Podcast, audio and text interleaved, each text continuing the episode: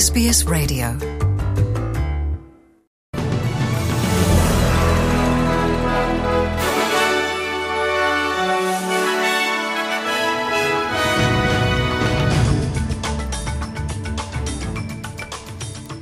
Witam Państwa bardzo serdecznie w niedzielę 9 października. Na wstępie skrót najważniejszych doniesień. Ulewne deszcze w Nowej Południowej Walii dziś powoli ustają, ale niebezpieczeństwo powodzi pozostaje. Po wybuchu na moście łączącym Krym z Rosją runęła część konstrukcji będącej dumą Putina. Wojsko Polskie zaprasza w kraju na bezpłatną naukę strzelania. A oto pełny przegląd wiadomości radia SBS. Meteorologowie australijscy prognozują, że najbliższe tygodnie i być może miesiące przyniosą większe od przeciętnych deszcze i burze w Nowej Południowej Walii. W ciągu ostatniej doby ulewy nawiedziły m.in. przybrzeżne obszary Sydney, Illawarra i Hunter. Kolejna fala opadów, oprócz zagrożenia powodziami, zwiększyła także ryzyko osuwania się gruntów i przewracania drzew. Służby pogotowia Nowej Południowej Walii zwróciły się o pomoc wojska. Chodzi przede wszystkim o użycie helikopterów zdolnych do nocnych akcji ratunkowych. Wojskowe bazy operacyjne powstały w Sydney, Hunter i Parks. Władze stanowe postawiły w stan pogotowia ponad pół tysiąca wolontariuszy. Ponadto apelują o rozsądek mieszkańców, w tym unikanie jazdy po zalanych drogach. Ostrzegają, że nawet po nadejściu rozpogodzeń rzeki będą wzbierać. Tysiące ludzi przemaszerowało wczoraj w Melbourne, domagając się uwolnienia założyciela Wikileaks Juliana Assange'a. 51-letni Australijczyk przebywa obecnie w londyńskim więzieniu, odkąd został usunięty z ambasady Ekwadoru w 2019 roku. Assange toczy długotrwałą batalię prawną, aby uniknąć ekstradycji do Stanów Zjednoczonych, które oskarżają go o szpiegostwo. Brat Assange'a, Gabriel Shipton, w rozmowie z australijską agencją prasową przypomniał, że obecny premier Australii przed wyborami federalnymi powiedział, że nie widzi, jakiemu celowi służy uwięzienie Juliana. Minęło tyle dni tego rządu, a Julian wciąż gnije w tym więzieniu, mówił brat. Demonstracja w Melbourne przeciwko zatrzymaniu Assange'a była jedną z wielu, które odbyły się w sobotę w kilku miejscach na świecie, między innymi w Londynie. W Wiktorii specjalnie wybudowany obiekt kwarantanny COVID w Mickleham zostanie zamknięty w tym tygodniu wobec braku zapotrzebowania. Inwestycja o wartości 580 milionów dolarów powstała na północy od Melbourne i została oddana do użytku ponad pół roku temu. Skorzystało z niej zaledwie nieco ponad 2000 osób. Premier Wiktorii Daniel Andrews zapewnia, że pieniądze wydane na ten obiekt nie zostaną zmarnowane, ponieważ w przyszłości może on służyć innym celom niż kwarantanna. Władze stanowe 1 stycznia mają przekazać budynki władzom federalnym. Odezwały się głosy, że osiedle w Miklam mogłoby zapewnić zakwaterowanie dla potrzebujących mieszkania.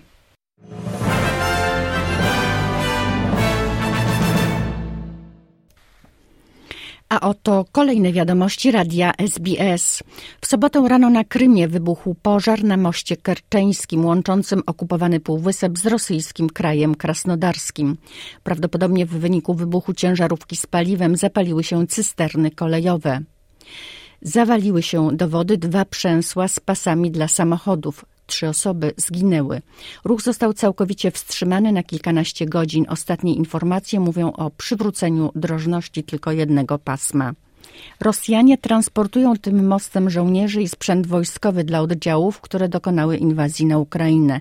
Zaraz po incydencie na stacjach benzynowych na Krymie ustawiły się długie kolejki. Władze rosyjskie ogłosiły, że uruchomią przeprawę promową, jednak mieszkańcy zdają sobie sprawę, że nie będzie to szybko, a na półwyspie nie ma wielkich zapasów benzyny.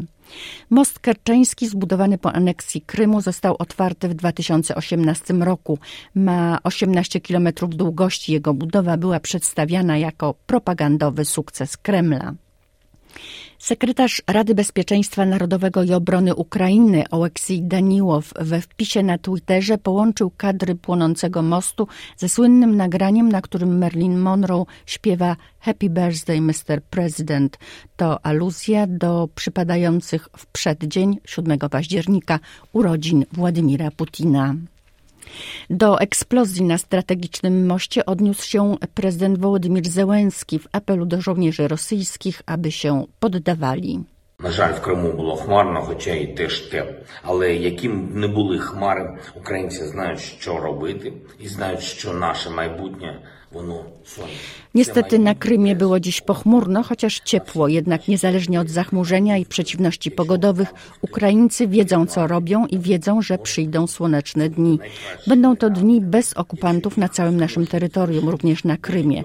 Jeśli rosyjscy okupanci mają taką możliwość, niech oddadzą się do ukraińskiej niewoli, co będzie dla nich najlepszym wyjściem.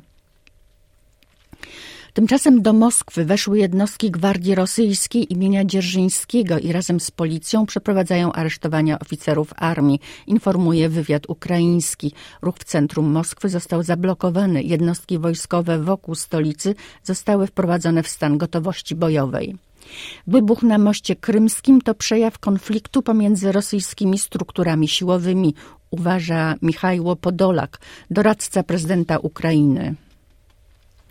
Ukraińskie Regionalne Dowództwo Sił Obrony Terytorialnej Zachód ostrzegło, że Rosja przerzuciła na lotnisko w Łunińcu na południu Białorusi co najmniej 20 irańskich dronów kamikadze.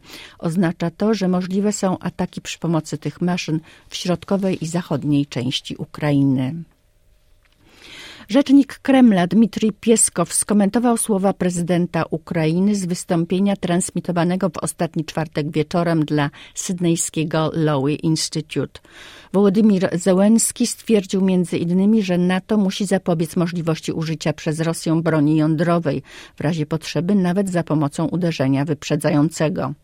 Rosjanie muszą wiedzieć, co ich czeka, jeśli zdecydują się użyć broni jądrowej. Słowa Załęckiego to nic innego jak wezwanie do rozpoczęcia III wojny światowej z nieprzewidywalnymi, strasznymi konsekwencjami, powiedział rzecznik Kremla i dodał, że działaniami Kijowa kierują Stany Zjednoczone i Wielka Brytania. W Niemczech zarząd kolei poinformował, że usterki techniczne, które w sobotę niemal całkowicie sparaliżowały połączenia kolejowe w północnej części kraju, są wynikiem sabotażu. Z powodu przecięcia kabli w Berlinie i nadrenii północnej Westfalii musieliśmy prawie na trzy godziny wstrzymać ruch pociągów na północy kraju, czytamy na stronie kolei niemieckich. Media niemieckie wyjaśniają, że atak na kluczowe dla ruchu kolejowego kable wymagał wiedzy eksperckiej. W Unii Europejskiej trwają dyskusje w sprawie strategii walki z wysokimi cenami energii. Polska postuluje wykorzystanie części zamrożonych aktywów rosyjskich, by pomóc Europejczykom w kryzysie energetycznym. Taki pomysł przedstawił w Pradze na nieformalnym szczycie Rady Europejskiej premier Mateusz Morawiecki. Ja wskazałem na jedno źródło stosunkowo łatwe do pozyskania, jeśli chodzi o środki, mianowicie aktywa zamrożone Federacji Rosyjskiej. I to są aktywa, które są ogromne, opiewają na około 350 miliardów euro. I dziś można sięgnąć po te środki dla dobra Ukrainy, która powinna być z tych środków odbudowywana, ale również na potrzeby mieszkańców Unii Europejskiej, na potrzeby mieszkańców Polski. Trzy osoby nie żyją po wypadku, do którego doszło w Gdańsku na Motławie. Na pokładzie łodzi wycieczkowej znajdowało się 14 osób. Jednostka wywróciła się prawdopodobnie przez fale wytworzone przez pracujący w pobliżu holownik. Armia w Polsce zaprasza na weekendowe szkolenia. W całej Polsce rozpoczęła się akcja Trenuj z wojskiem. W październiku i listopadzie każdy chętny Polak będzie mógł zgłosić się do wybranej jednostki i przejść szkolenie. Zachęca major Justyna Balik z Centralnego Wojskowego Centrum Rekrutacji. Za darmo w ciągu jednego dnia w praktyczny i przystępny sposób instruktorzy Wojska Polskiego nauczą Cię, jak strzelać i prawidłowo posługiwać się bronią, przetrwać w trudnych warunkach, jak dotrzeć do celu bez pomocy GPS-a i walczyć nawet wtedy, gdy nie masz broni. Warunkiem uczestnictwa w szkoleniu są obywatelstwo polskie i wiek między 18 a 65 rokiem życia.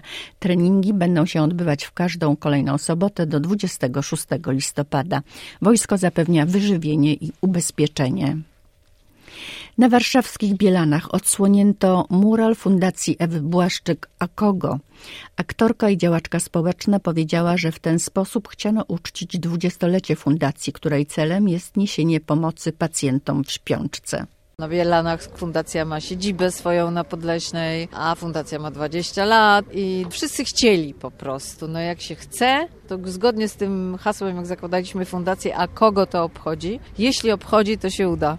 To coś będzie. No i jak widać się udało i tak samo było z muralem, który rozpoczyna taką akcję naszą, gdzie będzie co chwilę się coś działo, aż do 1 marca, czyli do przyjęcia pierwszego pacjenta do kliniki Budzik dla dorosłych na Brudnie. Fundację Akogo powołali w 2002 roku Ewa Błaszczyk i ksiądz Wojciech Drozdowicz. Dziesięć lat później powstała klinika Budzik, w której do tej pory wybudzono blisko stu małych podopiecznych. Rozbudowana klinika dla dorosłych przy Szpitalu Brudnowskim w Warszawie ma przyjąć pierwszego pacjenta w marcu 2023 roku. Pogoda.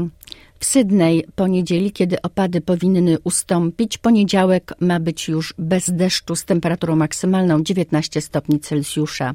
W Melbourne jutro 18 stopni i pogodnie. W Polsce zachmurzenie umiarkowane z temperaturą maksymalną 16 stopni Celsjusza, najchłodniej na Podhalu 11 stopni. Przegląd wiadomości radia SBS przygotowała Joanna Todisko.